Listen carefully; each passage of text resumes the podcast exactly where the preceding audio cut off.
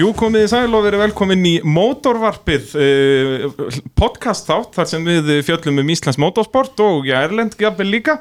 og já, gestir þáttanins að þessu sinni er ekki að vera endanum, það er Anton Örn Átnason, hvort er sælaflesaður Blessaður og sæll og svo Birgir Sigursson sælaflesaður. Sæðlumlýsar Hvað segir þið þá, drengi mínir? Við erum alltaf kátir Er það ekki? jú, jú, það er ekkert annað í búði Og þið eru miklar uh, driftkempur Já, við höldum það allavega Já, þið, Og li lifum svolítið fyrir þetta Já. þannig að- og þið voruð að keppa um helgina, það var drift um uh, síðustu helgi Jú, jú, mikið rétt og það gekk alveg þokkalega Já, Já, já, við hérna sem sagt, mættum hana þrýr bísingmenn og við vorum nú búin að segja, segja gefa út að við ætlum að vera í fyrsta öðru og þriðja en við náðum fyrsta öðru og fjórða sæti þannig að við förum, förum sáttir, sáttir frá borði þar Já, já ekki alveg nógu sátti kannski við helvitaði núlla sko já helvitið að nulli, hann uh, þurfti að setja sig við fjórða Já, en, en hann, hann munnaði nú litlu að hann hefði fengið að vera hana með okkur á palli og þannig að það- við tökum næst Já. samanvonandi pall gerir bara betur næst Já, já, það er bara svo leiðis og uh, mótorvarpið er í bóði AB varahluta og þar langar okkur að, að mæla sérstaklega með fördsvörunum með það ekki drengi mínir, það er gæða efnavörur og já bara rekstravörur og handsápur og allur pakkin sem er hægt að fá frá förds í AB varahlutum Jú, jú, það er eitthvað sem allir, allir motorsportmenn þekkja og vita hvað er. heldur betur og svo náttúrulega júról olíunar sem að er með þessu olíunar þegar þau eru voru að vinna Dakar með þessum olíum hann Nasser Al Ataya á á Toyota Hilux, hann notar bara júról þannig að það hlýtur að vera gott fyrir motorsportmenn líka Já, það getur ekki annað, annað verið. já, já, já, og svo náttúrulega það sem við þenkjum öll KFC sem er að styrkja, styrkja podcastið og, og þar er náttúrulega aðal Blazing Bacon eh, Singor Tower máltíðin sem er að gera gott mót, ekki satt Já, kemur í ljón hvort við fáum það hérna á eftir. eða Heyrðu, já, ekki? þetta er náttúrulega, sko, ég á alltaf eftir að vera með bara KFC fötu hérna þannig að maður væri bara hakkand á því þannig að það væri svona smakkljóð í gegnum allan þáttinn Erum við skulum bara slúta þessu snöggvast við mætum öttur næstu viku Þetta- já, þetta ekki- þetta gengur ekki, þetta KFC leysi sem ég er að bjóða Nei, þér þetta er agalegt Þetta er ferlegt, ég verið að rífa mig upp í KFC málunum, það er Já, alveg þetta, persínulegt þetta er ekkert í búið svona. Nei, en Be Sick, hvað hver- hvers slags nafn er það? Ver- Vertu lasin uh, Axtur Sýðurhundaliðið? Við erum náttúrulega allir snar á hangjafni sko Þetta er svona, þetta er, þetta er, þetta er svolítið tilvísun í það líka sko Já, Og hérna, þaðan líka náttúrulega kom nafni á, á torfari bílinu sínum tíma sko jú, jú sem var doktorinn ekki samt Jú, Jú, en svo einhvern veginn fórum við að hallast að því að þetta væri eiginlega bara ógæfi nafna Bísik og Doktorinn því að Já, við, þetta- við endum torfarferilin hjá Bísik Racing svolítið, svolítið illa og þegar ég braut á mig bakið í, í því og, og hérna og höfum ekkert verið í torfarinu síðan eða Anton hefur nú aðeins verið með fótinn við köllu turbo og, Jú, og þannig en, en við allavega settum torfærin á hilluna þannig og erum búin að vera bara á fullu í driftinu síðan og, og standa okkur vel þar Og hvað eru þið margir í driftinu? Þetta eru alveg hellingsbílar, er það ekki? Jú, við já, í heildina þá hafði þetta nú verið yfir 30, 30 bílar að keppa en, en við bísik menn erum, erum í rauninni kjarnin 5-6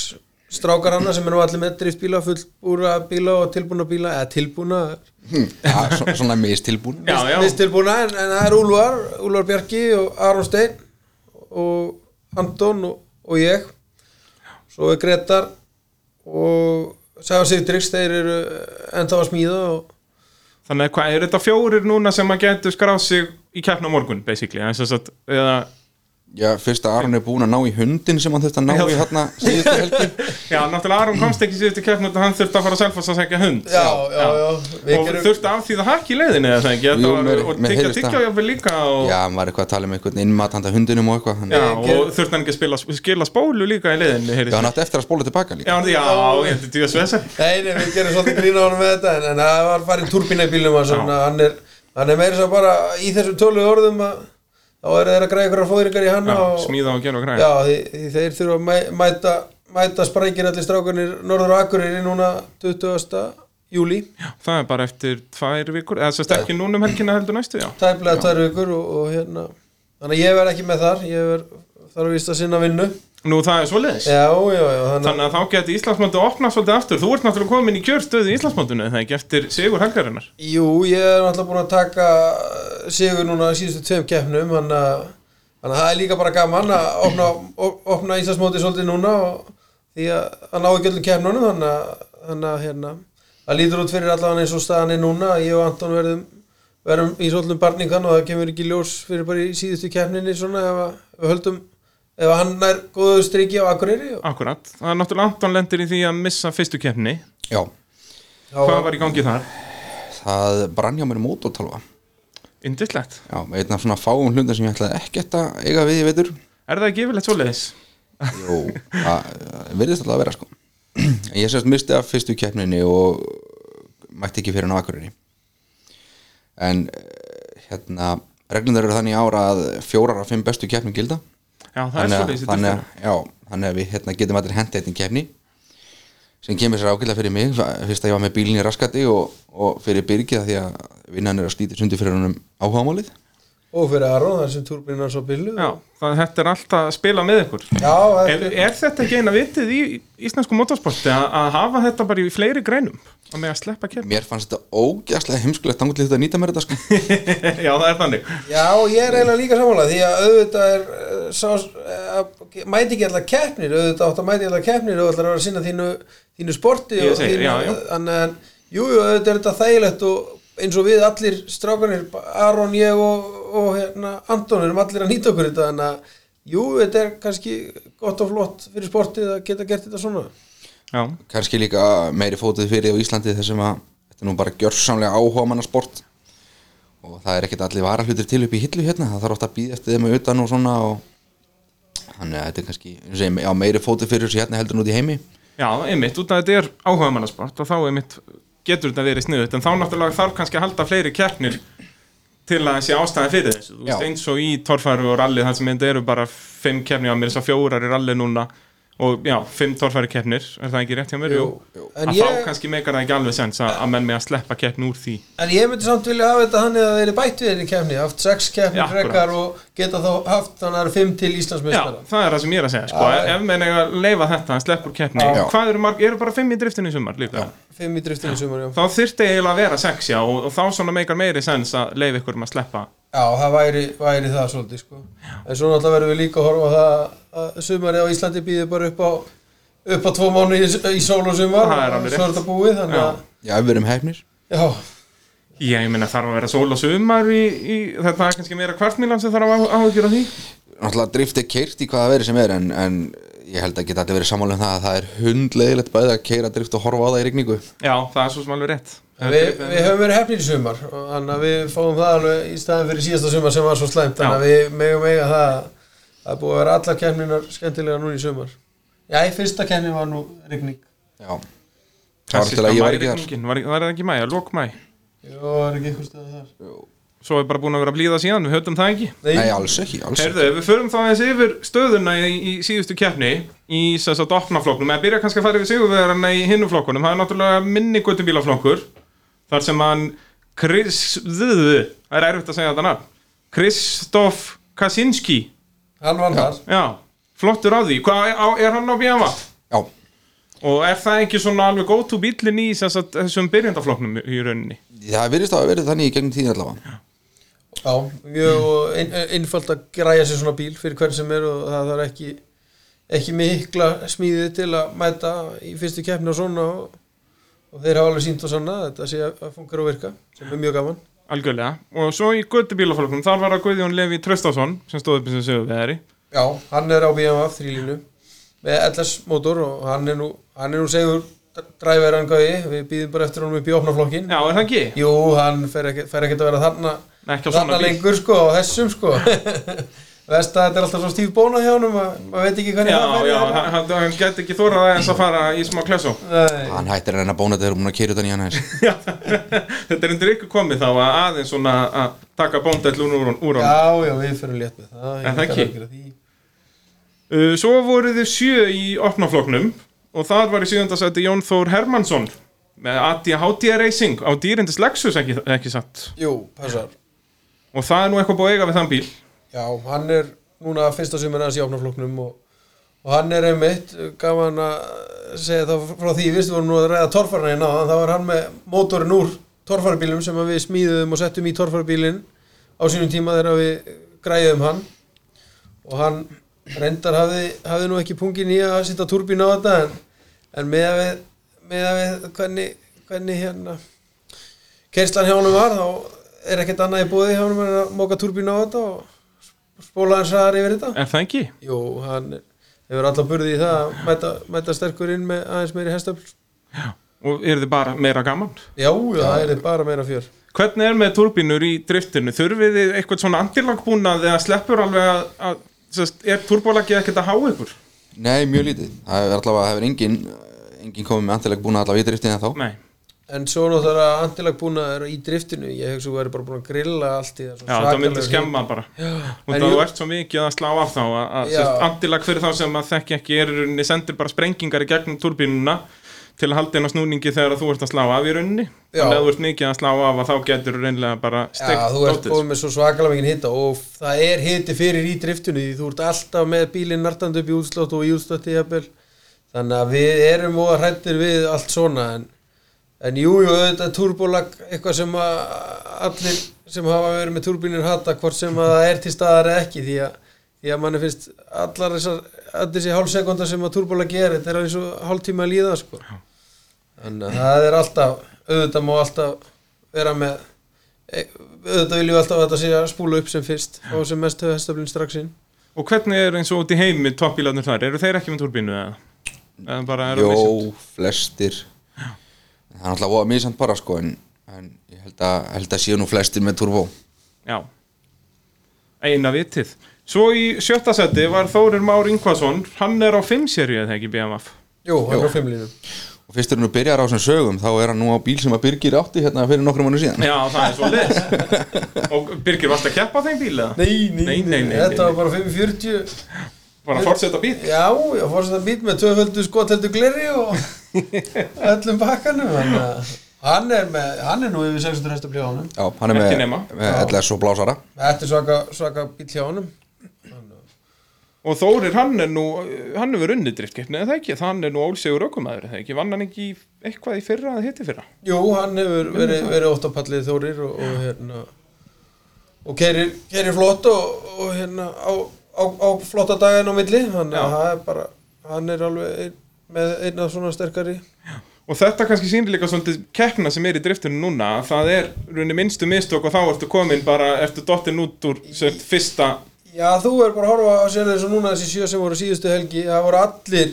það var barningur hjá öllum Já. það var enginn sem að það var enginn sem að van, rústa þessu og enginn sem að skítapa það voru allir, allir á sömu blaðsíðu og það var bara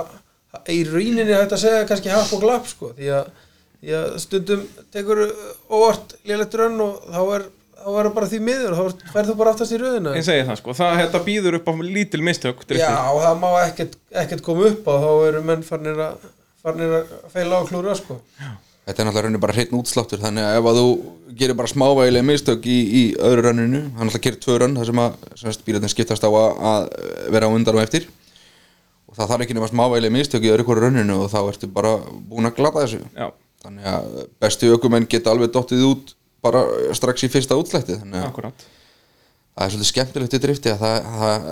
það er erfitt að, að hérna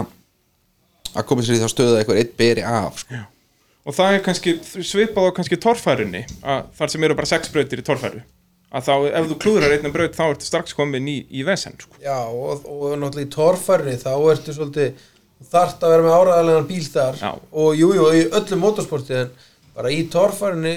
sér maður svolítið að óraðanlegu bíl, það skilar ekki neinu og eins og náttúrulega eins og sé, þetta þarf þetta alltaf að vera áraðanlegt hvaða motorsport sem það er en, en þú getur svona ef þú ert með, þú veist svolítið þegar þú mætir með driftbílinn á kernistað að allt er undir kontról nema þú tjónir eitthvað og, og það er voða sjálfgætt að þú sért að tjóna eitthvað í þessu en torfæribíl, þú ferði í eina braut og þú er búin að brjóta allt undan þessu og, og þú veist ekkert hvað hva, hva brotnar næst meðan driftbílinn, þú veist að þú með veikulekkina það eru aukslanínir eða driftskattið og þá áttu bara að auka á því og, og þart, þart sára sjaldan að pæli því en Akkurat Og driftkeppni fyrir rauninni bara þannig framjá Þetta byrjar á svona undanrásum í rauninni þar sem ykkur er raðað upp í hítin ykkar eða útslettina í rauninni Já, ekki sem sagt gerði undan keppni og eh, sem, sagt, sem er þá er það gefin stig og, og þar eru þið bara einir í einu í opnafloknum er það ekki? Jú. Já. það er bara að kerra einn í einu fyrirfram ákveða línu og það er sem sagt stíldómari, línudómari og eh, Raða Já, er það nei. ekki, ekki. nei, það er ekki ræða gráðudómari gráðu, já og eh, þeir sem sagt eh, gefa stig fyrir raunin og eh, eftir þeim stigum er okkur raðið upp í útsláttinu og þar færið þið tveir og tveir í opnaflokknum það er Já. annað en í, í göttubílaflokkunum Já, það eru alltaf tveir og tveir í, í ofnaflokkinum og og þá snýst þetta líka um að vera sérst nálagt þeim sem er fyrir framann eða ekki Já, í rauninni fremri bílinn hann á í rauninni bara að setja niður 100 stiga kólfængrun bara keira eins vel línuna og, og í sem mestri gráðu og búti mestan reik eins og hann getur og aftari bílinn á bara að reyna fylgjónum Já. og á í rauninni frekar að fylgja bílnum innan skynsalara marka heldur en að elta línu brautar hennar Já, það er svoleiðis. Það er runni fremri lí- bíllinn sem á að setja niður eitthvað svona línu. Já, já, hann er svona nummer 1, 2 og 3 og þú þarf bara held að hann, jú, jú, ekki kannski, ekki kannski alltaf út úr braut nei, kannski sleppi held alveg þegar Óli er á undan þér en, en, en, en þú getur, getur svona, svona held, held þegar menn eru að keira inn á malbygginu og svona. Já. En Ulli fer sín eigin leiðir, maður sá nú myndir af því frá helginni, þar sem að hann er sko komin með allan bílinn út af Já. og er ennþá í rauðabotn. Já, já, það, það er nú það sem gerir líka gaman skemmtilega við hann að, Akkurat. að það er ekkert slegið af þó menn séu konur út af en, en, en það er líka bara gaman að þið er ekki að Hann- hann er- spara þetta nýtrú þegar fara að flæða Það Nei, er ég segi það. hann er nú gaman rallycross maður þannig að hann, hann er nú kannski vanu því að já, Ég segi þetta er bara í blóðinu hjá hann. Já. það er nú all familjan búin að vera í þessu. já, já, þannig að það verðist bara, já, já, og það hefur hefur gengið vel hjá honum Það er eitthvað skemmtilegt að hann stendur yfirleitt við stóru orðin hann sagði við okkur í brautaskórinu morgunin spurði hvað hann fengi mörg stig fyrir að fara út fyrir keiluna og, og, og taka hana með framöndanum í staðin fyrir afturöndanum innan malbygginu þannig að hann greinilega stendur Já, þegar já, hann sagði ég segi það, hann var alveg handviss með þetta allt saman. já, já, já, já, Eina vitið. Nú í fymta seti var Ármann Ingi Ingvason, er, hann, er þetta ekki 240 nissan sem hann er á? já, jú, Og það er nú eitthvað búið betur um benda það kvikindi. já það, er, það er komin Toyota Motoronja, tveir jóðu seta þetta er bit sem hann fluttur inn í fyrra held ég alveg örugglega. já fyrra, fyrra, Fluttur inn hvaðan frá fyrra bara. var, ég held að það hafi verið Danmörku Já, hérna. eða ég Noregi. held það. Og það fluttur inn sem keppnisbíl eða? Já. Já, já, og hann einmitt mætti hann á æfingunum á föstu deginum og keirði hann, keyrði hann það harkalega út af að að ég bjóst ekki við að sjá hann á sunnudeginum í keppninu já, það var svoleiðis. en þeir voru nú ekki lengi að græða þetta þannig að strákanir á Sarfósi og mættu með hann og, og hann stóð sér bara virkilega vel og var kólifæðingin mitt í öðru sæti þar sko þannig Já. að það var hann bara byrjaði startaði deginum alveg helviti vel og svo hérna svona þegar var búið að steipa aðeins í, í frostappa í blokkinni sem var aðeins að, aðeins að sprautast út um og svona Já, svoleiðis. Var hann aðeins svona, hann var bara aðeins að bleita brautina. já, já, það var eitthvað, eitthvað smá brast Bílinn að svæðið. já, þetta, þetta er bara svona endur nei, náttúrulega endur í hann að kælu eitthvað Ég segi það, Já. það er um að gera að gera það meðan þú ert að spóla svolítið. Já. Það, þetta er bara mikla Já. fullkominn sens. að sjálfsög Og eru þeir bræður, er það þvælaðið mér? nei, þeir eru bræður Þeir eru Þór og bræður, já, Ormar. yngvað sinnirnir. Ingo sinir, þeir eru bræður Flottir á því. Já, já, það vantar ekki Líka gaman að sjá Orman á þessum bíl núna hann semst kefti í fyrra á E E36 með eh, M60 BMF mótor Já. 800 sem er já, orginal hana, einhverjum árum fyrir aldamót var hann 100, nei, 286 hestöfl þannig að það var skemmtilegt að- að sjá hann koma á bíl sem að skilaði einhvers staðar já, einhverjum 500-600 hestöfl út í hjól Já. og hann fyll, fyllilega komin tíma á það að hann fengi, fengi sér bíl sem að var svolítið kraftmeri Og það verður bara gaman að fylgjast með honum í sumar. Já, þeir, já. bræðinir, þeir, þeir eru alltaf gaman að fylgjast með þeim og, og gaman að hafa með okkur á nýju suðan að það verður bara, bara gaman að sjá hvernig sumar endar hjá þeim Nákvæmlega. Svo kemur í fjörðarsæti Úlvar Bjarki Stefánsson, bísek maður, Já. Ísik maður á þessum líka eðalvagn. Já, Úlli er nú, Forsetta bílinn bara. Úlli er nú búin að vinna tippakefnina í, í, hérna, í peningum að- og eðslu í þetta Já, já, já. Þannig að hérna, en hann er komið með nýjan N91, sem sagt, hann er á nýjasta driftbíl Íslands Já. og hann er station, sem er svolítið gaman að því Þetta, ég elska að horfa á þetta sko. Já, Þetta er já, bara... það er alveg og það er náttúrulega ennþá rafmagn í rúðum og allt sko Já, já, já, það duður ekkert minna Nei, nei. Þetta er fórsetta vagn Já, já, fyrir En mann á er hann hættus með, aldrei er hann með Já, nákvæmlega, þetta er fullorinn maður og fyrir ekki að láta sjá sig á einhverju plastóti frá Japan Nei, nei, nei Glindu þessu, það er bara rafmagn í rúður og, og dýrindist þýst stál Og kósi, sko Já, já, já, Uh, er, hann er með vaskasinn aftur í það ekki Ég- ég sé Jú. bara alltaf þessi skúp þarna aftar sko Já, það hefur verið vaskælingu aftana sem er náttúrulega alveg ríkalett stílbrot af svona hugkvöluðum Station Vagni Já, það- stundum á tímabilið þá þarf þetta að hugsa hugsa að þetta þurfa að virka frekar en að þetta sé fallegt Jú, Þannig að- nákvæmlega. og það er held ég hægt að benda á öllum bílunum okkar eitthvað eitthva sem að væri gaman að taka af en það verður að vera Þannig, að- en, en nei, nei, hann er komið hennan nýsmíðaða bíl núna í, í byrjun sumars og bara Er- búin að var hann að smíða þetta núna í vettur og, og já, já, og hann tók annarsætt í fyrstu kemninni og þannig að hann er að koma helviti sterkur inn núna í sumar og, og það verður, já, það bara verður bara fætingur um Íslandsmótið Já, já, það er ekkert ekki annað. nokkuð spurning ekkert annað úr þessu Ég held að hann hljóta að vera fyrsti maðurinn í drifti með nýtró Já, Held það alveg öruglega Já, hérna heima, já, Já, já. þetta er þetta ekki tildulega standard úti að vera með nýtrá eða? Jú, yfirleitt úti, ma- margir eru með nýtró og turbínur og þeir eru að skjóta nýtrónu inn fyrir Því- Já, í turbínuna rauninni bara sem antilag búnaðir Já, í bara til að raun- skjóta þessu upp á snúning Já, í rauninni, sko Þannig að það er mjög vinsalt hann úti En hann er bara með nýtrá, hann er ekki með turbóin Nei, hann er bara með nýtró, þannig að hann er alltaf með LS mótor sem er strókaður í 6,8 lítra Já, og svo 100 skota nýtró þannig að þetta virkar eitthvað Já, já, þetta svinvirkar og hann er hann á snegsta BMF á Íslandi það er rétt Já. að segja það Eh, Eða BMF, margir BMF, menn kvarta nú yfir að þetta sé ekki BMF því það er Þetta búið er að sefrúlegt Chevrolet mótor en, en hann á, hvað var það 11.92 Nei, 11 fyrir ekki 10.92 Tók 10.81 á fyrsta önguna því Það er ekkert annað fyrir ekki Júli, ég ætla ekki að gera lítið úr þér Sorry, Júli minn Þetta kallar við vinniðina já, Þetta er, þannig að hann getur bara að fara að reyna að koma þessu undir tíu sekundunar já, tjúni já, og hann, skemmtilegandum já, já, hann Úli kann ekki að stoppa það er bara verið að halda áfram En að það ekki jú, jú, þannig að þetta verður gaman að hann er ekki tættur að tjúna, það er Nei. bara svoleiðis Það er aldrei nóg afl nei, nei, Það nei, er nóg er bara það aldrei fyrsta nóg reglan já, Nú í þriðasetti kom svo Sigurbergur Eiríksson já, og hann er á þessari dýrindist Toyota-bifrið ekki satt hann er á Toyota Cressítu gríðalega fallegu bíl Þetta er alveg einstaklega huguleg bifrið já, Það er alveg, maður verið sveittur og að labba heilan kringi kringum þetta út að þetta er svo stórt já, já. og svona lítur ekkert sérstaklega vel út á driftbraut þetta á ekki alveg heima þarna en djöðl virkar þetta Já, Úlur reyndir reyndar aðeins að- að minka rúmtækið á bílnum Já, um það, helgina. það er enda rétt, já, hann var aðeins að reyna klesta þess á hann Jú, tók, fór hann að létt í hurðun á honum Já, En hann er með Volkswagen mótor, hann Sigurbergur Já, og hérna, hann er ykkur tæp 400 hestum hjá hann út í hjól hann, og mjög svona furðuleg og það er það sem gera þetta svo skemmtilega smíði hjá honum í rauninni Hvað þetta Já. er, Hann fer svona aðra leiðir, en þegar þetta virkar svona þá er þetta bara geggjað já, þegar þetta virkar en það er bara búið að vera alltaf mikið bras á, á honum og þessum bíl, þannig að það er svona alltaf byrjaði kannski þegar hann valdi þessi fólksakar mótor Já, það er það sem ég segi, það er gaman að hafa eitthvað öðruvísi en Já, vissulega sjálfsögðu. getur að vera brans en það er náttúrulega líka erfitt þegar menn byrja með Toyota Cressítu, hann er að finna upp hjólið meðan, Já. meðan ég og Anton og og strákanir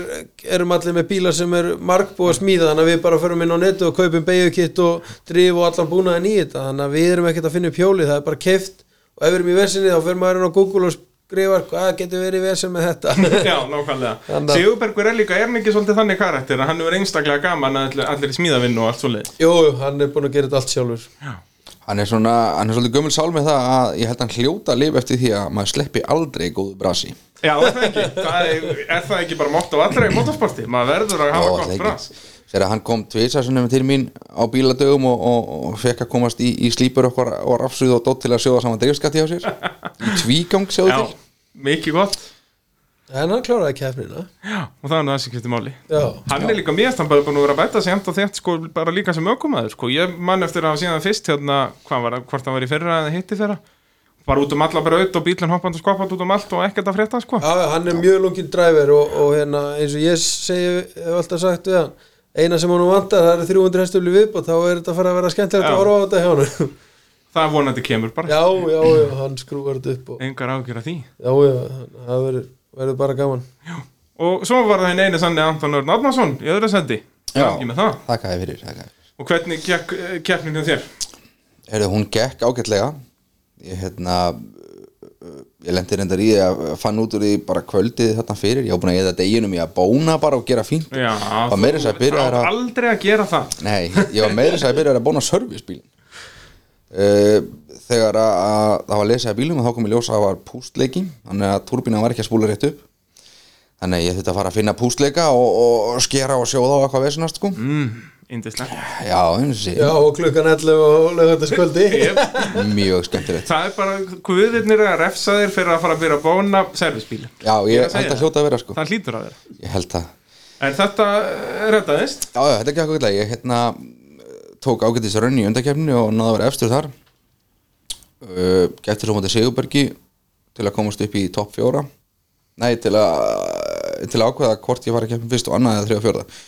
Að því voru nú sjö, þá náttúrulega var ég komið beint inn í topp fjóra uh, með því að kólifæja efstur. Já, þú vinnur undankefni í rauninni Þess að Já. kvalifæðingið og hérna uh, já, svo endar það þannig að við Birgir kerum um fyrst og annarsæti og ég er náttúrulega eins og auðli bara keiri út af Þegar þú ert þá að elta eða þegar þú ert Nei, fyrst þegar ég á undan honum Og elti Birgir ekki út af það Var hann að brjóta reglunar Voruð þið ekki að útskýra þetta fyrir mér Jú, Ég sjá, sjá er til skúla út af en ég vildi ekki alltaf andan Nei, út já, af það það er svolítið Já, Já, hann var komin í æfingu, hann var búin að taka hérna sex rönn á móti Ulla áður en að keppur á móti mér þannig að Já. hann var alveg komin í æfingu sko En nei, nei, þetta var bara um, misreiknaði með aðeins og, og misti niður í mittbústi á túrbínunni þetta, þá komið aftur að túrbólaginu jú, þannig að ég hérna rann svona aðeins og mikið til hliðar og, og misti tvö tekk út af sem að var dýrkeift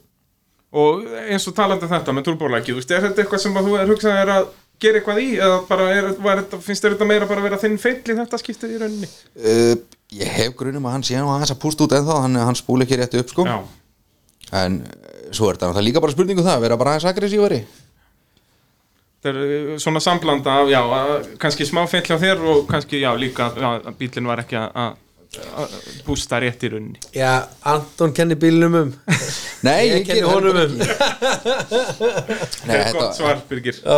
Nei, nei, Ég þetta- er ég- ekkert að kenna bílnum um Hann, hann smíði þetta púrt sjálfur Þannig að hann átti bara að ég vanda sig reyndar gerði það ekki ekki, ekki þennan hluta Já, þetta já. er danst, það má blóta því Já, það fór helveði menn já, Og Birgir, þú stótt upp sem sigurvegari Já, ég stóð upp sem sigurveri Eftir, já, það er hægt að segja þetta hafi verið barningur Því að ég og Úli vorum hana í nokkrum Vorum á time runnum Alveg hægri vinstri og, og fyrir rest þá vann, vann ég það Og fer þá sjálfkrafa að keppi við Anton og já og Anton misti hann hana út af í fyrra rauninu og hann að ég svona ákvað að taka seinna rauninu og keira það bara nokkur seif en aggressífur hann að ég og svona, jú, jú, það var svona smá borlíkjandi að ég hefði unnið út af því að, út af því að hann fór út af því að þú fær svo mikið mínus fyrir það sko já, Og þá kannski kemur líka svolítið svona taktikinn í driftinu inn að þegar þú ert búinn að sjá anstæðingin gera smá mistök að þá getur þú kannski aðeins hægt að sjálfu þér það er, en það er líka erfitt því að maður er líka auðvitað alltaf, alltaf með sama stressið og annað þegar maður er á ráslínunni og, og ég vil meina að Anton keiri bara út af út af stressi hann var ekki nógu rólegur undir stýri og og, og hann er náttúrulega tippa að ég er svolítið á miðstökin hans hann, að- og, vann, og vann náttúrulega með þau og vann keppnina út af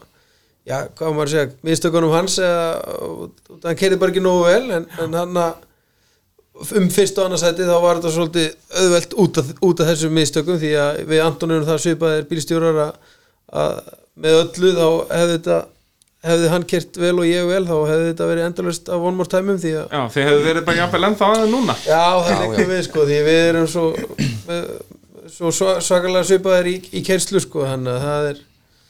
En það er einmitt allavega hvað mér finnst með driftið eftir að þetta byrjaði að vera tandemdrift Já. að þá einmitt kemur þetta eiginlega miklu meirinn að þú getur pressað anstæðingin og þá er þetta kannski, já, meira að, að það koma svona, já, augljós mistök í rauninni frekar en er þetta ekki svolítið mikið öðveldar eða allavega öðruvísi og þegar þú ert bara einn á bröðinni jú, þetta er náttúrulega allt öðru þá ertu náttúrulega bara að hugsa um sjálfa þig og leggja niður þína línu og það er ekkert að vera að pressa á þig og þú sérð ekki einu sinni yfirleitt hvernig anstæðingurinn er að keira það neitt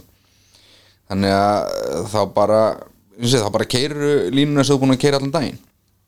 en hins vegar þegar við erum tveir í braut þá þá eh, er náttúrulega hellingspressa að vera fremri bíl að því að ofta við nálgumst svolítið hratt þá hérna kemur fát á fremri aukumannin og hann heldur að maður sé komin í hliðin á sér og gefur í og, og, og klúrar einhverju og svo aftur á móti líka mjög erum náttúrulega að vera fyrir aftan að elta línu fremri bílsins og eh, þessi bílar eru náttúrulega flestir mis hraðskriðir í braut þannig að menn þurfu að vanda sér rosalega við það að semst, auka hraðan þeir sem eru, eru hægfara og, og halda hraðanum niðri á móti þeim sem eru hérna semst, fara hægar upp á að geta fyllt línunni og það er alls ekkert hlaupið að því ofta að eh, yfirfæra sinn eh, þess að einhvers annars akstur stíl yfir á sig til þess að, að hérna, eldan sko. En það er eins og með opnaflokki Núna erum alltaf, við erum ekkit margir að keppi í þessum opnaflokki hérna- hérna heima En auðvitað veit, vitum við allir hvað er veikleikar og styrkleikar eru hjá hvorum, öður, hvorum einum, einum Og þannig að þegar að ég er að fara að keppa á móti bara eins og Antoni þá veit ég að ég þarf bara að gefa allt í og setja allt undir því að ég veit að við erum svipa hraðir á brautinni þannig að, þannig að eins og með það og svo getum við að lenda á móti bíl sem er mjög hægur og það er eiginlega bara erfiðast fyrir,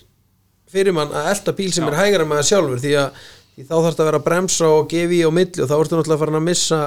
missa alla línur Já, það er erfitt að vera að bremsa í miðju slætti Já, Í rauninni, það er mjög, mjög erfitt en, en, en, en það er hægt og, og hérna en það er náttúrulega líka bara æfing og, og gaman og challenge að keira á eftir hægum bíl Og svo náttúrulega getur maður kannski nýtt, það- nýtt sér það líka ef þú veist að það er hægur bíl að þá getur þú gefið því ennþá meira þegar þú ert á undan Já, þeir eru út á undan Þá geturðu búlíað hann ert svolítið þú þar, sko. búin að stinga hann svolítið af með því sko. þannig að það er líka gott en menn hafa nú samt líka alveg farið flatt á því að reyna að kera of hratt á undan bílum til þess að stinga það af Já, það er svo leiðis Já, Maður náttúrulega- menn maður að verður- feila því maður verður rosalega að passa sig að samt að halda sínu stríki þó að, þó að þú vitir og ég kannski sensa og stinga hann aðeins af að því hann er hægfara þá verður þetta að passa að halda þinni línu og, og keira þetta eins og þú ert búin að vera að keira allan daginn í staðin fyrir að fara að taka ykkur að sensa til þess að reyna að stinga menn af sko. og þannig að þú- það getur komið hart í baki að það er að stinga hvernig af og, og, og klúðra línunni þinni sko. Og hvernig finnst ykkur þægilegast eins og þú talaður um áðan þegar þú ert fremri bíl að, og síðan sérði í speglunum að hann er að koma hratt að þér og allt þetta Þú veist, finnst ykkur þægilegt að vera mjög meðvitaður um hver er fyrir aftan ykkur og hvað hann er að gera eða bara hugsa alfarið um ykkur bara helst ekkert að vita á hann sko. Já, Ég- er ekki jafnvel bara máli bara að taka speglana af ég, bílum? ég er ekki með baksinni speil allavega sko. Já, er það ekki, ég, þú veist? ég allavega þegar ég er á undan þá pæli ég ekki í bílum fyrir aftan mig það er hans hausverkur að passa sig að klessa ekki á mig Ég segi það, þú veist, Og þú að finnur minn- alveg ef hann klessir á þig, þú þarft ekki að vita neitt fyrir það Neini, og áhugjefni mitt er bara að halda mínu, minni línu flottri og góðri og ég veit að ef ég sný þá fæ ég hann inn í hliðin á mér og það er þá bara mitt klúður en, en svo eh, veit ég að Anton á það stundum til að vera að stressa sig og pæla allt og mikið í bílum fyrir aftan sig og þá ertu bara farinn að hugsa um allt og marga hluti og það er bara erfitt líka Fyrir okkur motorsport mennina sem eru nú einfaldir menn Getur Já, ekki bara já. að hugsa allt og mikið Nei, það er náttúrulega það er- það er, það er alveg skaðiræði Já, þú getur gleymt því sko það er ekki gott Það er alveg spurning að fara að taka hliðaspeglina bara bílinu líka Já, er það ekki bara, það er Já. bara að gleyma þessu Já, Það er, það það gæti verið sniðut Já. En þetta líka sannar svolítið núna fyrstu þrjár keppnirnar hafa verið á þreymri mismunandi brautum Já, Sannar það ekki svolítið uh, hvað driftið og já bara motorsport almennt á Íslandi er á mikill uppleið Jú, við erum alltaf svakalegri uppleið og bæði bílalega síð og brautalega síð og hvort sem að heitir BA eða kvartmjölklúburinn eða AIH þá eru allar brautina búið að betur um bæta og gera mikið Akkurat. fyrir þær í, í hérna núna í byrjun sumars og, og síðasta vetur og Það voru alveg stóra breytingar núna á AIH-brautinni já, AIH voru, brautinni Þið voru að keira þar að hann núna í fyrsta skipti í keppni eða það Já. ekki Jú, og það var einmitt ný beigja sem að kerja núna sem Akkurat. er alveg svakalega skemmtileg og og hún á svona að geta tengt ofan í skálina í rauninni eða ofan í SB-jörnar fyrir þá sem að þekkja til á breytinu þarna þá er rauninni, er, var breytingin í rauninni já til að gera hana aðeins opnari í rauninni einmitt fyrir drift og og, hún er, hún er margfald hraðari fyrir vikið hvernig finnst ykkur breytingin hafa virkað, er þetta algjör snilt? þetta er Já, bara mér finnst það geggja sko ég er mjög ánægð með þessa breytingu og, og þetta bara, já, þetta var bara akkurat það sem að vantaði í breytin og Þetta færi challenge svolítið sko í staðin fyrir að þurfa að hægja þér eftir beinakablan og, og inn í rólegt S og inn í skálina að halda hraðanum og gjöfinni alveg út beinakablan og, og bara hálfa, hálfa stóru beiguna hann að nýju og þurfa svo að hægja alveg hrikalaður hún í skálinni til þess að byggja upp hraða aftur sko og náið þið að tengja það í einu sem sagt allan ráskablan í rauninni náið þið að taka það í einni tengingu eða þurfið þið að skvetta honum út einu sinni og setja hann onni í hröðubeguna, vinstribeguna Við tökum hann í, í bara Einum rykk. einum rykk í- á stóru bílunum já, en það er kannski göttubílandir sem eru í Já, vandræðum gödubílarnir reyndar tóku sömu braut og við tóku, tóku beinakablan í, í einum rikk en svo voru minni gödubílarnir þeir máttu, máttu svona fyrst heila aðeins Já, en það er kannski ekki annað hægt þegar þú ert á 200 hestar bíl nei, 200 hestar bíl. ekki þannig að því að hvað, jú, ég myndi halda maður þessi komin hann á 80-100 km hraða og Já, eins Jú, og, þetta er eins og allavega, allavega gödubílarnir, öflugur gödubílarnir og svo bílarnir á flokknum, ég held að við hljóttum að vera á hátt í 100 km hraða þegar við förum inn í beiguna sko já, Já, það hlýtur að vera, þetta er það út af þið eru að byggja upp hraðan í gegnum alla hægri beiguna litlu sko og svo allir beiningablin það hlýtur að já, vera En með að við power í þessum bílum þá er náttúrulega aðalatrið er að spóla já, já, en já, þá er samt hellingsræði þessu sko já, já svakalega sæði sko. Já, þú, þú náttúrulega, eh, þú gerir ekkert í svona tandemdrift eða þú ert ekki með grip Nei, nei, Þannig að þú veist, við, eins og við til dæmis keirum bara á nýjum dekkjum í keppnum, alltaf á nýjum dekkjum og þú veist, við erum með 17, 18 og upp í 20 pund í afturdekkjunum til þess að fá að hafa sem mest grip Þannig að, eh, einmitt, það er eitt, eitt af þessi sem fólk gerir sig kannski ekki alveg grein fyrir að við erum alveg að berjast við að hafa sem mest grip þó við séum að spóla já er það ekki mitt máli að því meira grip sem þið hafið að því hraðara getið þið farið í Jú, rauninni Þess að satt- þeim hraðar förum við Því meiri reykur og því meiri gráðu getum við líka farið í án þess að missa hraða og eins og maður sér líka bílarnir, eins og sérstaklega bílarnir erlendis en þeir eru allir með spoilerum og allt til að gera downforce þú veist, fyrst þegar ég sá þetta heldin já, eru þeir að gera upforce, eru þeir sniðir Já, nei, nei, já, þú veist, leysa. þetta, þetta snýst um að, að fá grip í Já, rauninni já, til að það gerir búa það, til það hraða. gerir það sko það, og síðan náttúrulega líka, já, marga brautir sýnir að þetta er alltaf að upplifa og svo náttúrulega líka bara bílaflottin þú veist, eins og opnuflokkurinn, það er alveg til þetta er alveg vel rúmir tíu bílar sem geta kæft í opnuflokknum í hverju ég- keppni, er það ekki? ég held að sé tölvöld meina það Já, Já, ef maður tekur alla strákana inn í þá er það það alveg er örgulega hátt í 20 bíla sem eru löglegir í þetta hérna heima já, já, þannig að og mjög mikið af bílum sem er í smíðum bæði, uh, bara í alla flokkana þannig að það er virkilega gaman að því Mér- og þetta náttúrulega er mjög ungt og- motorsport á Íslandi þetta, ég held að fyrsta keppnin hafi verið hvað, 2005 eða ekki Jó, Jú, það var drift. bara húsgagnarhalla planinu góða já, það var eitthvað svoleiðis og svo Fimm þú veist eða sjö. árið eftir á MS planinu eða eitthvað og, og sem sýnir líka svona hva, hversu mikið þetta við þróast frá því Já. að vera á bílaplanum og yfir í já, núna þrjárbröðir já, það er svolítið svoleiðis og ég held að opni flokkurinn hafi verið fyrst kerður 2017 Já, ég, mér það er minni mjög það að stutt bíladagar 2017 hafi verið fyrsta skipti sem opnlokkur á kerður og þá voru þrýr bílaskráður já, nú sjáum við árið eftir voru tíu bílaskráður í opnlokkin akkurat þannig að 2018 var eiginlega svona fyrsta alvöru sumari hjá opni, bíl, Já. opni bílunum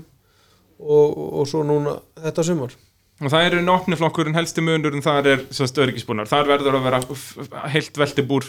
og körfustóll og sexbundabelti og allt þetta. allur gallinn og hans búnaður og, og þá er þetta, en, en hinnir skötubílaflokkarnir sleppa með að, að hafa þetta götubíl það er gödubíl eins og- bara eins og og- hann þarf, hann þarf að geta staðist göduskoðun þannig að það er eina sem að þeir þurfa að gera, það er að standast göduskoðun og vera með löglega hjálma og þá með þeir mæta til kemni og það er náttúrulega að gera driftið svo einstaklega skemmtilegt byrjandasport já, Ah. þú getur mætt bara á hvaða bíl sem er og bara byrja ef þú átt afturdriftsbíl að þá getur þú mætt já, þú læsa drifið í honum já punktur. og mæta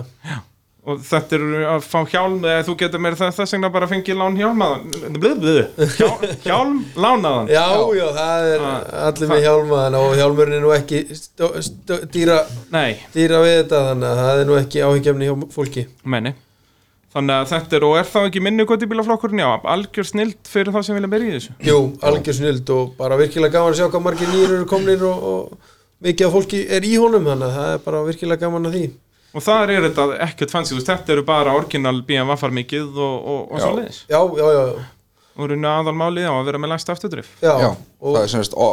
ó, semst minni göttubílaflokkurinn er þannig að það er semst 300 hestabla hámark Já, en eh, þú mátt gera semst breytingar á, á beigjum og annað þannig að þetta það er rosalega lítið sem þú mátt breyta bílnum þannig séð og eh, náttúrulega eru þá fleiri samkjæmnis hafið fyrir vikið sko. algjörlega. Þetta er Gerðu bara- þetta jafnara og skemmtilegra. Já, maður getur sett beigjukupa í bílinn sinn og, og vökva handbremsu og, og farið að hafa gaman bara sko. og ég held ég farið mér rétt mála í nánast flestum keppnum bæði semst, það sem hafi verið þessu ári og í fyrra hafi minni göttubílaflokkurinn verið fjölmennasti flokkurinn Enda já, svona entry leveli, það er auðveldast að keppa þar. það er náttúrulega helviti erfitt að koma inn í, inn í eins og þetta var áður þetta var náttúrulega bara eitt flokkur þannig að þetta fyrir já, tveimur árum síðan Já, það ekki. Það var þetta alltaf bara þá, gullbílaflokkur. já, og þá var þá var náttúrulega helviti erfitt fyrir menn að koma inn nýjir inn í sportið með bíla sem að voru náttúrulega ekkert mikil tæki og annað og ætla að fara að keppa við eitthvað sem voru búin að keppa í fleiri ár og Á 500 hestabla bílum bara. Og, Já. já. það reyndar náttúrulega er ekkert rosa langt síðan að, að bílarnir skriði yfir svona 400 hestöfl Já, náttúrulega út að maður, þeir þurftu þess ekkert. Þegar þetta var alltaf á AIH-bröndinni, Já, að já. þá þurftur ekki allt þetta afl eins og þarft í dag. Þú veist, til að vera samkeppnisæfur í opnafloknum, þú veist, þú þarft 400 pluss hestabla, það ekki? já, það er náttúrulega bara uh, s- þegar hestafla kefnin byrjaði þá um leið og einn fór í einhverjar hestaflaveikningu þá þurfti allir hinnir að elda það er að skemmtilega við þetta og, og það er líka skemmtilega við að hvað margir eru, eru rugglar og það er allir að elda og elda næsta og það er allir í keppni að að vera með kraftmesta og, og flottasta bílinn sem er líka gaman, það Algjörlega. er virkilega gaman að því og, og bara mikið af bílum hérna heima sem er bara konir á heimsklassa í smíðum og hestöflum og bara virkilega gaman að því Akkurat Og þú veist, mér erst fílingurinn í þessu núna einmitt vera svolítið eins og bara var í kvartmílunni hérna fyrir 50 árum þegar kvartmíla var að byrja á Íslandi í rauninni þegar kvartmílubrautin kemur og þá var þetta svona svaka vinsalt og allir gáttu farið með bílana sína Já, ég- þá í rauninni breyttist bílaáhugi yfir í motorsport í Já, rauninni ég er enda Já. mann nú ekki eftir Nei, eftir ég, það, ég, sko. ég man nú vel eftir þessu hér í daginn En hérna a- a- En núna er driftið mitt svona að Það er þessi almenni bílaáhuga maður hefur strax áhuga á drifti í rauninni út að þetta er náttúrulega líka svona aðeins meira áhöranda sport heldur en til dæmis kvartmíla Já, og líka allir, allir sem eru með einhvern gauragang hafa, hafa gaman að dekja líkt og, Já. og smá ískri og, og bensinlíkt og láta um sko þannig að það er allir sem hafa einhvern smá áhuga á bílum þeir, þeir, þeir, þeir hafa áhuga á þessu, það er nú bara þannig sérstaklega náttúrulega með öllu aksjónunum sem kemur með semst, bara kraft meiri græjum og opna flóknum og þetta þú veist, það, það er hellingsaksjónin sem við sáum að, að varða árekstur um helgina þó hann hafi, hafi nú ekki verið stór og það er alls ekkit fyrst í áreksturinn þó að, þó að sé ekki land síðan að byrja að keira opna Já, flóknum já En það er einmitt, og það kannski vantaði líka aðeins í driftið þegar þetta var bara einn og einn í brautinni Já. að það vantaði þetta element af sem sagt, hættunni eða sem sagt, Já. að það Já, getur komið já, kröss já. og vissulega vorum en að fara út af og allt svoleiðis en núna er þetta orðið svona meira þrill Já, já, núna er þetta alveg svona maður þarf að vera að fylgjast með alla tíman ef maður ætlar ekki að missa hann einu sko sem er gaman Já, þannig að þetta að vera, þetta er motorsport Já, já, algjörlega Það er bara þannig, hvenær byrjið þið að keppa í þessu drengi mínir? Við Við- byrjum á þér Birgir Já, ég byrjaði nú eitthvað að mæta hana sem pjakkur 2008 Já, og kefti kefti eitthvað þá svona í inn og inn í keppni og og var með BMF 3 línu þá og hérna sem var ekkert merkilegu bíl neitt þá og svo eiginlega bara svo fór ég aðeins í eh, nokkur ára hlýja frá þessu og, og svona var að vonast til að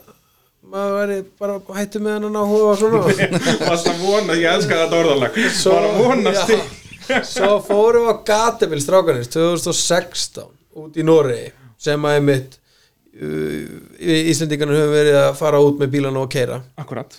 og hérna við fórum þangað 2016 og ég held að við höfum alltaf verið konir heim þá er búið að kaupa kaupa body, eða bíl, tilbúin 318 bíl sem við strýpuðum og byrjuðum að smíða og,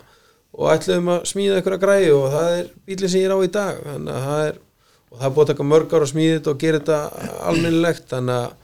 og núna er hann loksins orðin eins og ég vill hafa hann og er virkilega ánægð með hann þannig að, og svo byrjaði ég að keppa á honum 2017 Já, Var það jú. ekki? Í- Sest, nærði ekki byrjun á tímabilinu Nei, það nei kemur svona ég, mitt sumar ég svona kem í mitt sumarið og er svona aðeins með og,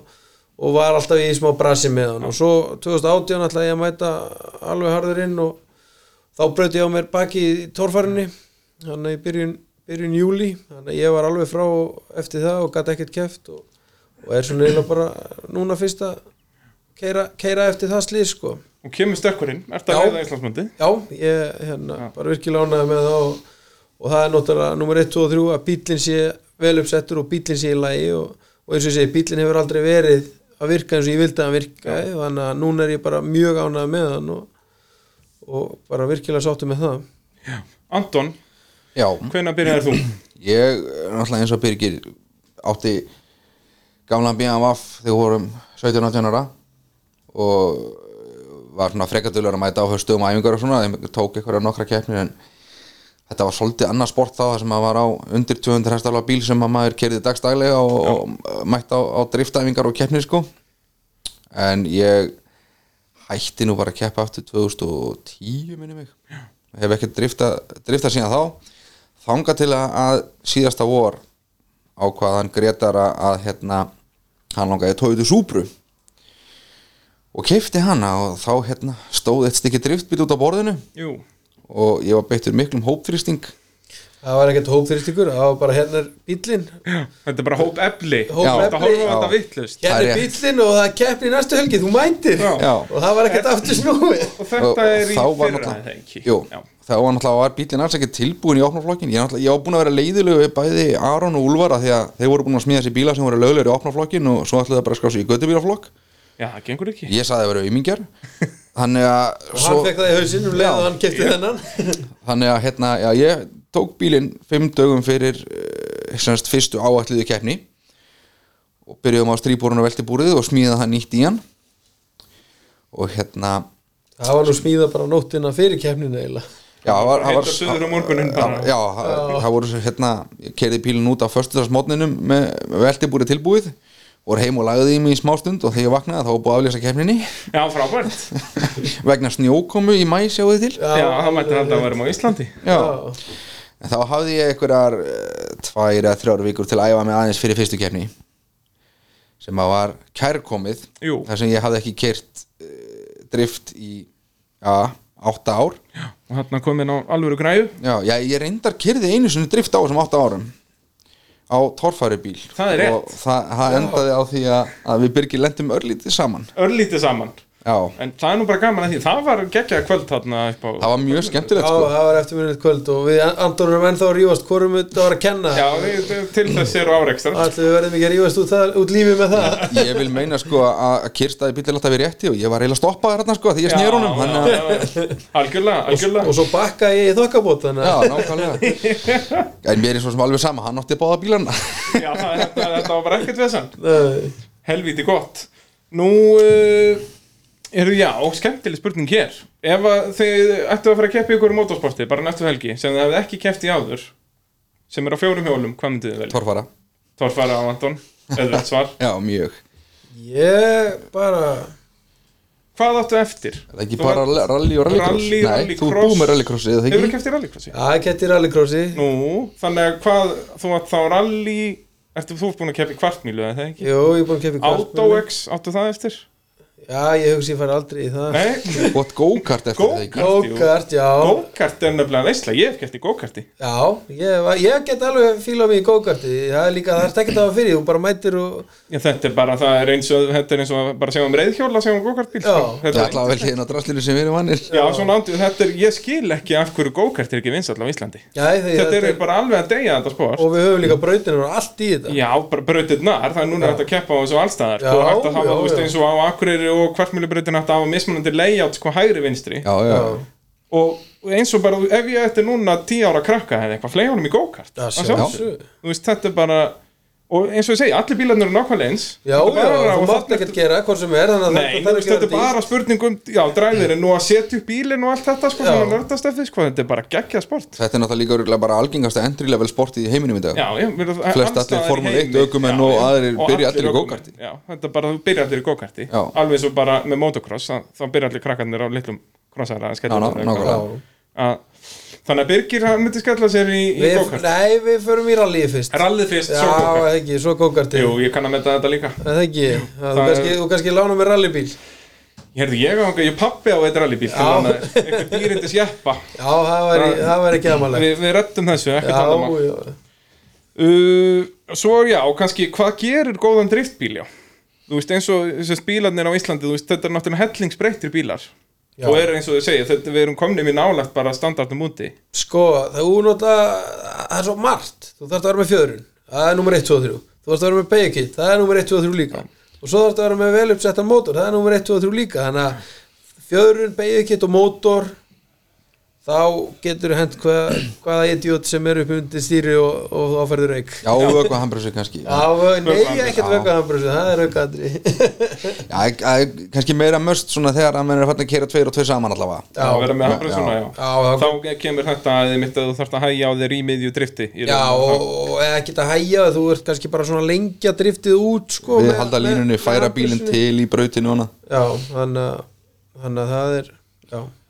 og nú hann Chris Fosberg, þegar hann kíkti til okkar hérna, heimsmeistari í drifti já, hann talaði mitt við mig uh, um það hvernig bílarnir eru smíðaðar úti en þá er þetta bara smíðað alveg eins og allir aðrir kappassinsbílar, hvort það sem er touringkar eða rallybíla eða hvað það er Já, já. að bara skelina alveg strípinu og hún er öll svoðin upp og styrt já, og svo er veltibúr og þá er það náttúrulega orðinn hellingspartur af fjöðruninni er bara runni bodyið á bílum að hafa það stíft Já. já, í rauninni það var allt stíft og, og hérna og náttúrulega grunnurinn af góðum bíl hvort sem það er rallybíl eða hvaða bíl sem þú ert að fara að nota þetta í eða út með keppnisbíl þá er það grunnurinn er alltaf nummer 1, 2 og 3 og svo má alltaf breyta beigukittum og fjörunum Já. eftir á Það skiptir mjög miklu máli að að bodyið sé bara stíft, hann sé ekki að flexa lefa fjöðruninu þá að vinna í staðin fyrir að bílinn sem gefa eftir Akkurat, og er það þá alveg sest, bílandir á Íslandi, þeir hugsið alveg um það já, að sjóðu bóti og allt svolítið að Já. gera þetta stífara og sterkara Já, já, þegar við smíðum bílana þá voru þeir settur upp á grilltein og það var alveg eiginlega farið of mikið í, í þessa smá, þessi smáatri sem að sjóðu upp allt bótið og allt þetta en, en auðvitað sér maður ekkert þetta í dag en vinnan, jálsmíðavinnan í þessum bílum var svaðaleg þegar við smíðum þá Já. á sínum tíma sko. og, En það er eins og þú segir, að skila sér þá núna að- að þú ert á, á flottan bíl Já, já, ég er virkilega ánægð með bílinn og, og hérna og svo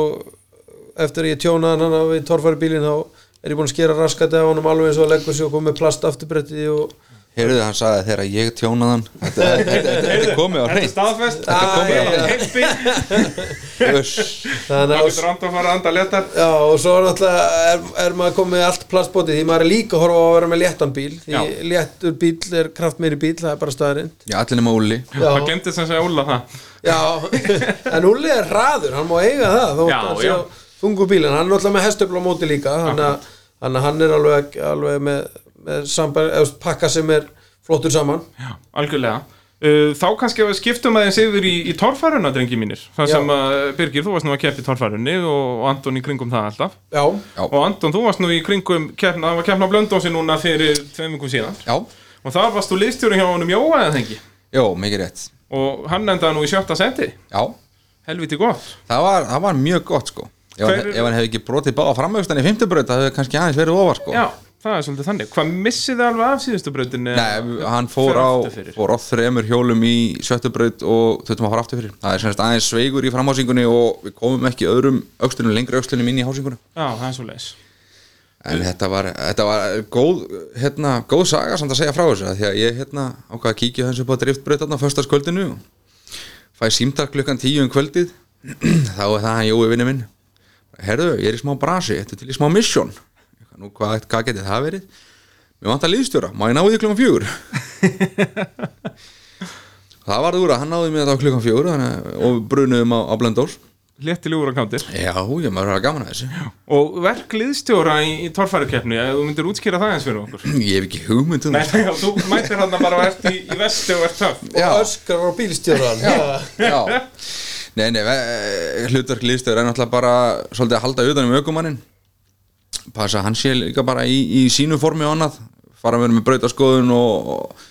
ákveða hvernig á að, á að hvað taktík á að nýta sér við hérna, aksturinn á brautunum og, og fylgjast með hvernig aðra er að gera þetta og, og útfara það allt og svo náttúrulega miklu leiti bara að passa allt sé í lagi í bílnum og, og hérna, þannig að ökumannin þurfi ekki að vera að pæla í hinn og þessu, hann getur bara verið með hausin við kefnina sko. Það er uh, nummer 1, 2 og 3 og að aukumæðurinn sé að pæla í því sem hann á að vera að pæla í Já, maður heldur hann rólegum á milli brauta og svo þegar hann er komin í rásmark þá öskrar maður aðeins á hann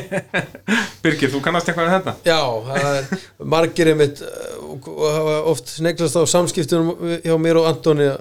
"Vá, hann kom bara og öskraði á því ég segi það er eina sem virkað, þá hlu- hlustaði ég á hann þannig að það hefur virkað fyrir okkur strákan að öskra kon annan og hrista kon annan til til að koma mönnum stundum í gýrin og segja að þú átt ekki að gera þetta svona heldur svona og þá taka menn marka á eða þá tökum við marka á hverju öðru Já. þegar þannig er orðið sko Mönnum líst ofta ekkit á það þegar við erum að eiga samskipti eitthvað svona sem að, sem að þarf að vera á hreinu Jú. þá liggur okkur mjög hátt rómur og, og menn gæti alveg haldið að við séum að hnakk rífast sko. og eins með í driftinu auðvitað, þó að við séum að keppa á móti okkur öðrum þá erum við samt uh, félagar og við erum að hjálpast á og Mm. við erum að benda okkur öðrum á að gera þetta svona en ekki svona og gera þetta svona en ekki svona og, og, og eins og segið þó að við bísik menn séum allir að keppa á móti okkur öðrum þá erum við samt ein heild og við erum allir að hjálpast að og í hverju kemni þá vinnur bara einn og auðvitað eru bara auðvitað eru hinnir bara sa- samgleðast í og hafa gaman að því þannig að það er svolítið gaman að því þó að sé náttúrulega alltaf leiðilegt að vera liðsfélagar Já, að já, keppa en- það er en- alltaf samkeppni en, En, það er en, alltaf sækinn en, en, en þegar allir eru botnið kvöld þá erum við alltaf svolítið, þú veist, við erum bara stoltir af hverju öðrum þannig að það er óa gaman að því og já, þú varst nú að keppa í torfærunni hvað hvenar byrjar? 2016? 2017 17. þá, 2017 um, vorið þá kaupið við bílinn eða í 2016 við veturinn 2016-17 já, á desember eitthvað. Já, þá kaupi ég torfæri bíl handa Birgi Já, það var eða svolítið svoleiðir. Ég átti, átti helviti fínan reynsróður og, og þá Anton hingir í mig, herri Birgir, ég er eiginlega búinn að selja reynsróður þig. Ég segi, nú hvað rugglar ég þig núna? Já, Torfur bytti sölu, hann er alveg til að skoða þetta Ég sagði, er glemdi þessu rugli maður og, og hérna svo, svo hérna daginn eftir þá var hann búinn að fá alla strákana með sér í lið og, og hérna og þeir mættu heim til mín, já, Birgir og, og hérna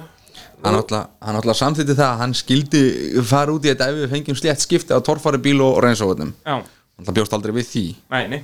og svo gaf, gaf ég mér nú hann að þið myndi ná þessu í gegn eitthvað skiptir sem bíl og, og ef ég fengið alla með mér í liði yfir sömari þá myndum við bara kýla á þetta og svo fekk ég ekkert um það ráð og þeir mætt, voru mætti með torfæri bíl heim það var bara eiginlega svolítið svoleiðis Það er, þetta, er, þetta er þetta skemmtilega hópefli sem vorum að tala um áðan Þetta er ekki hópþrýstingur Nei, Nei. Nei. Ég, ég sé það núna þegar ég horfa á þetta frá þessu það saman Já, nú, nú er þetta rátt að voru nátt á sko. þjóðu Já, það sem hefur verið líka skemmtilega við eh, þennan kjarna basic racing það er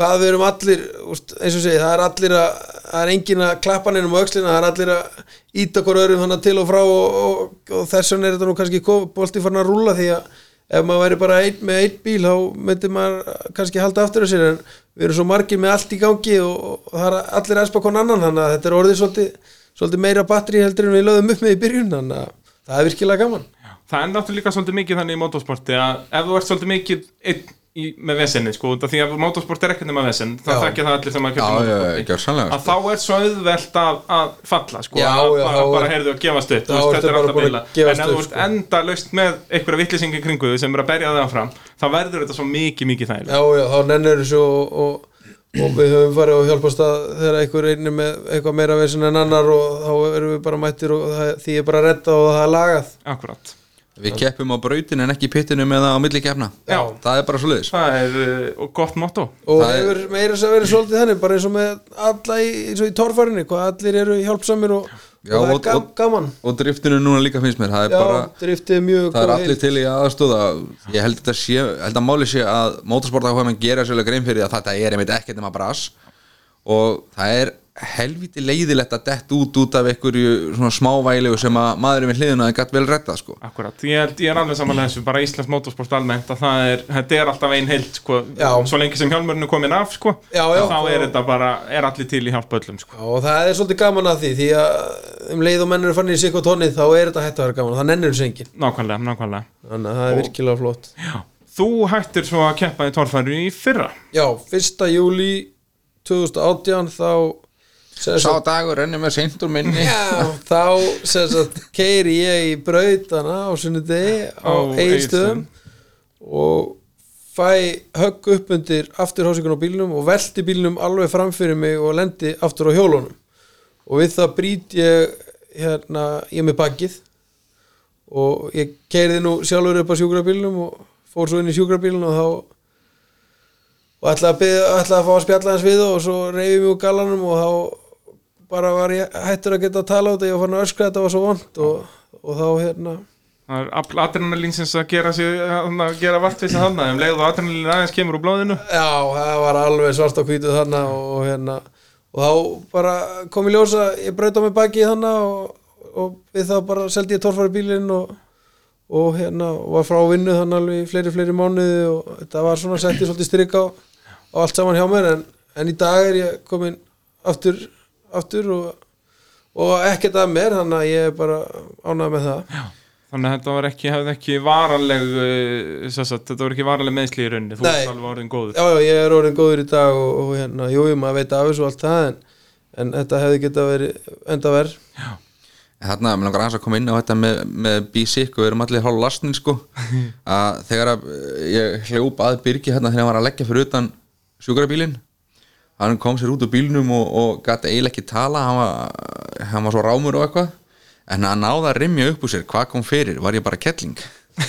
og það ég dreif ekki við barð þannig Já, En já ég- það var náttúrulega svona já, svolítið hálfkjánalugur stökkpallur hann að það var í rauninni skurður á milli Já, þetta var alveg út í hött og, og eins og Gísli Kier lendir í því sama og, og Já. Krismundur Dagsson er það ekki, hann Jú. slasaði sig líka aðeins þarna. Jú. og Bjarki talaði um það líka Bjarki Já. fekk hann undir og það Þannig voru að fleiri þetta er- sem lendu, lendu illa í því og, og ég vil meina að hérna, við vorum í skiptingavesinni með bílinn þannig að hann var komin í útslátt þegar ég fer hann yfir Já, hann, ég fer algjörlega, ekki nógu þetta var hratt ekki- Já, já, það er, út að þetta var ekkert það stórt stökk, sko, ef Nei. bílinn hefði verið fullkomlega lægi, það hefði þetta ekki verið neitt veginn, sko alls ekki, en þetta segir bara hversu mikið högg þetta var að ég hafi lent á afturhásíkun og velt honum framfyrir mig og, og ég er náttúrulega vissi ekkert hvað er í gangi og held áfram að keira,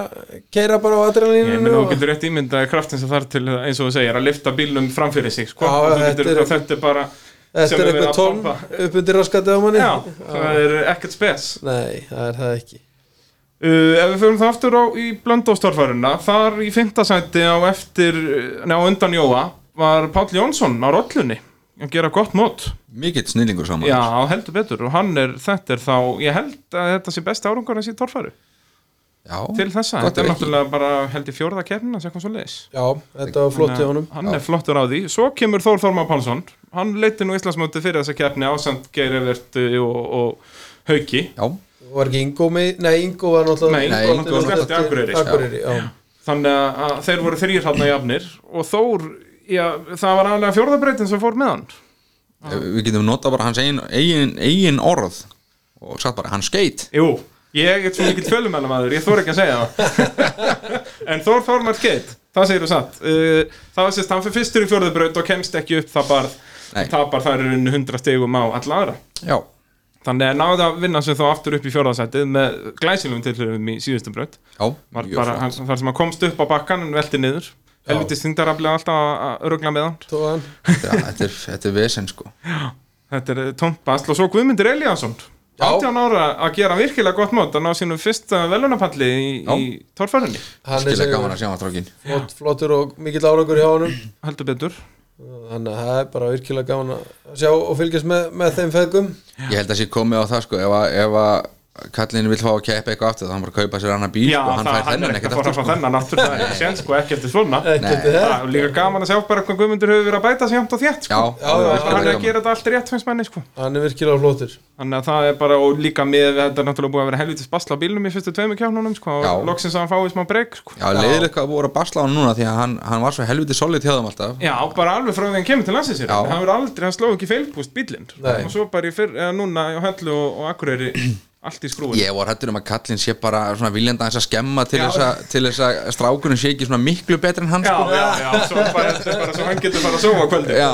hann kannski fá ekkert um hann að keira aftur sjálfur sko Það gæti verið eitthvað hann í gangi sko. En þeir gera nú grína kallinu oft að hann tók góða byltu þannig fyrir norðan og þeir segja hann hafi ekki þórað að kera síðan og þess vegna er strákurinn að kera Já, það er svoleiðis, já, já, það gæti verið eitthvað Það passa kannski ekki alveg, hann kefti nú einhverjum kefnum Jú, jú, jú, hann En kemur samt sem á Já, gott hann, grín hann keirði í keppnunum, kannski keft ekkert mikið Já, sko. ég segi það, já, já, heyrðu, þá er Sagan er góð Ég segi það, góð saga þarf ekki að líða fyrir sannleikan Aldrei, aldrei sko Svo kemur Ingo, Ingóla Guðvarason á guttanum í öðru seti Já. og í rauninni bara synd og skömm að hann hafi sem sagt mist af, af Já, hann er Akureyri- eiginlega- Já, það er eiginlega bara sorglegt Því og að það hann, hann, ef maður horfur á bílinn að þá er bílinn í langefsta seti í Já, Íslandsmótinu, langefsta, sko, sko. það er náttúrulega allir verður í öðru seti á bílnum Já, í, á Akureyri Og alveg það munaði líka bara alls ekki miklu á Ingo og svo hauki við þar í að blenda á sig Nei, alls ekki, Ingo náttúrulega klúrar þessu hann í síðustu breyt Já, ef hann, ef hann bara hefði farið upp á fyrsta barið þá hefði hann náð sigri held ég Hún vantaði 210 stig, hann hefði þurft að komast Já, hann hefði niður þurft að og lengra. þú veist, bara Já. máta að loka eða hann Já. hefði ekki einu sinni þurft að máta að loka Nei. barið, bara aðeins, sem sagt, eins og þú segir bara, það var fyrsta barðið og hann var náttúrulega aðeins óöppin, það var alveg búið að keirast til Já, að þetta það- var orðið mikið brattara þetta eru svo lúmsk börðin hann á blöndasúta þetta eru svona grasbakkar já þau voru eiginlega ekkert lúmsk þegar við fórum að skoða þau sko Nei, Við, við, reyndar gerðum, við ekki. gerðum smá, smá feil sko og skoðum brautina líka ofanfrá Já. Við hefðum betur sleppt því sko að því að, að því að öll börðin voru innundir sko Já, þetta var allt yfir 90 gráður Já, já, já, þetta, þetta, pff, þetta var í rauninni alveg ókleift flest sko það var kannski fyrsta bröndin sem var kleif en, en samt svona já þú hefði þurft helviti mikið hrá Já, það var svo helviti laust líka fyrir neðan sko. Þannig að eh, það varð úr að eina brautin sem að mennum fengu hérna, 350 stig fyrir lengt önnunni tímabrautin var fjólabraut já þar voru ykkur í hvað fjórir að fimm sem voru. Já, það er rétt, þetta var mjög krefandi keppni en, en þó skemmtileg, ég vil þó allan að frekar hafa það þannig að, að enginn kemst upp frekar en allir komast upp já, já, það er Það er, alveg samanlega en það er alveg rétt, menn verða náttúrulega að passa þetta og náttúrulega brautalagning er ótrúlega erfitt jobb í tónfæri Virkilega, það er, það er ekki öfundvert starf sko. Nei, Og þetta það er er svo líka- bara dómarastarf bæði Já. í, í, í að drifti og torfæru og bara alls staðar sem það Já. er dómara sko. það Já, þetta er er alveg erfitt. indislegt fólki sem mann ennir að gera þetta út af því að það fær ekkert nema skýt fyrir sko. Já, það er svo Í- það er- já, það er svolítið svolítið sko. þannig að- að það, við þurfum að því fólki að halda Já. og svo í fyrsta sendi á Blöndósi Haukur Viðar Einarsson sem að leiði þá Íslandsmöndu núna með 8 stegum á Þór Þormar Já, og er í, í að kjör stöðu fyrir Akranes sem er þá núna, það er sömu helgin á driftið er það ekki? Jú, 20. Já, er þetta lendir þetta á sama degi, mér þess að Já, Já. það held ég Nú, Já, já, kvistins og svo líka síðustu tvær keppnir sko, þegar að, þegar að torfara á Akureyri þá er torfara, nei, drift í bænum saman dag líka Já, frábært Já, já, þannig að- En við, sem segja, við höfum ekki nema nokkrar helgar til að til Já, að já, vinna það er þessu svolítið rétt, þetta eru þannig að- bara tveir mánuður á sólhjanda sem við vinnum með Já, þannig Já, að- en, svo er en allir drift og með- torfara eru klárlega sko, flottustu sportin þannig að það má passa að það sé ekki á söma, sama degi sko. Já, algjörlega að, ef ef einhver er að hlusta sem að ræður ykkur þá passa þetta og besta sem það er líka það er mikið að torfara og drift það er mikið samgangur hann á milli já, sammála því. og ekki bara hjá okkur heldur bara hjá, hjá öllum hann sem eru Já, já, það eru- eru- þannig að það er virkilega ótrúlega margir úr torfarinu sem eru fattir að, að kíkja á okkur og svona sko þetta var svolítið, þetta var svolítið skipt hérna fyrir nokkrum manni síðan, það voru Já, ungu bara strákarnir þegar- að fylgjast með drifti og, og, Já. og fullanda fólki að fylgjast með torfari sko Það er bara búið að breytast núna já, nefnilega sko ég er alveg sammála því að það og þetta kannski þarf líka meira bara samstarf sko fyrir og, og byrja bara dagatalinu fyrr og, og að rífast um þetta snemma sko Já. það heyrir alltaf umræðarnar bara í mæ sko. já, já, þetta er alltaf og alltaf þetta nöldri við því já, já, við þurfum eitthvað að röfli við Já. hvað á podcast maður að gera án þess að, að fá smá röfl nákvæmlega það er, ég er atvinnulegs á núinu sko. já, það er svolítið til í það er nákvæmlega þannig, heyrðu þið drengi mínir Yes. ég held að ég sláði það bara botnin í þetta í, í dag já, er það ekki? Þetta við erum búin að er bara tala um flott. drift og torfæru og allan pakkan já, góðgart og góðkart maður Ha, Ah, segðu, segðu og hérna já, við þá minnum bara á keppnina núna 20. júli og hún er á Akureyri ekki sant? jú, það passar það er eh, ekki amalegt þar, brautin geggju þar Já, og við algjörlega lofum, lof. við lofum blíðu drengi mínir er það ekki? jú, blíðu og það er vist búið að taka all tríðana niður og svona Já, það er gott fyrir hver endaði á trénu síðast Sigurjón, Sigurjón, Já, okkar maður á vettfangi já, Það er flottur á því lágaði þrjáttunum Og hérna, jú, ég verð bara að senda mína ströma þangað Ég verð að að mynda á torfæri þínu, drengi mínir já, Þannig að ég bara óska ykkur góðs gengis og, og, og skemmtið ykkur vel takk fyrir það þakkaði kælega fyrir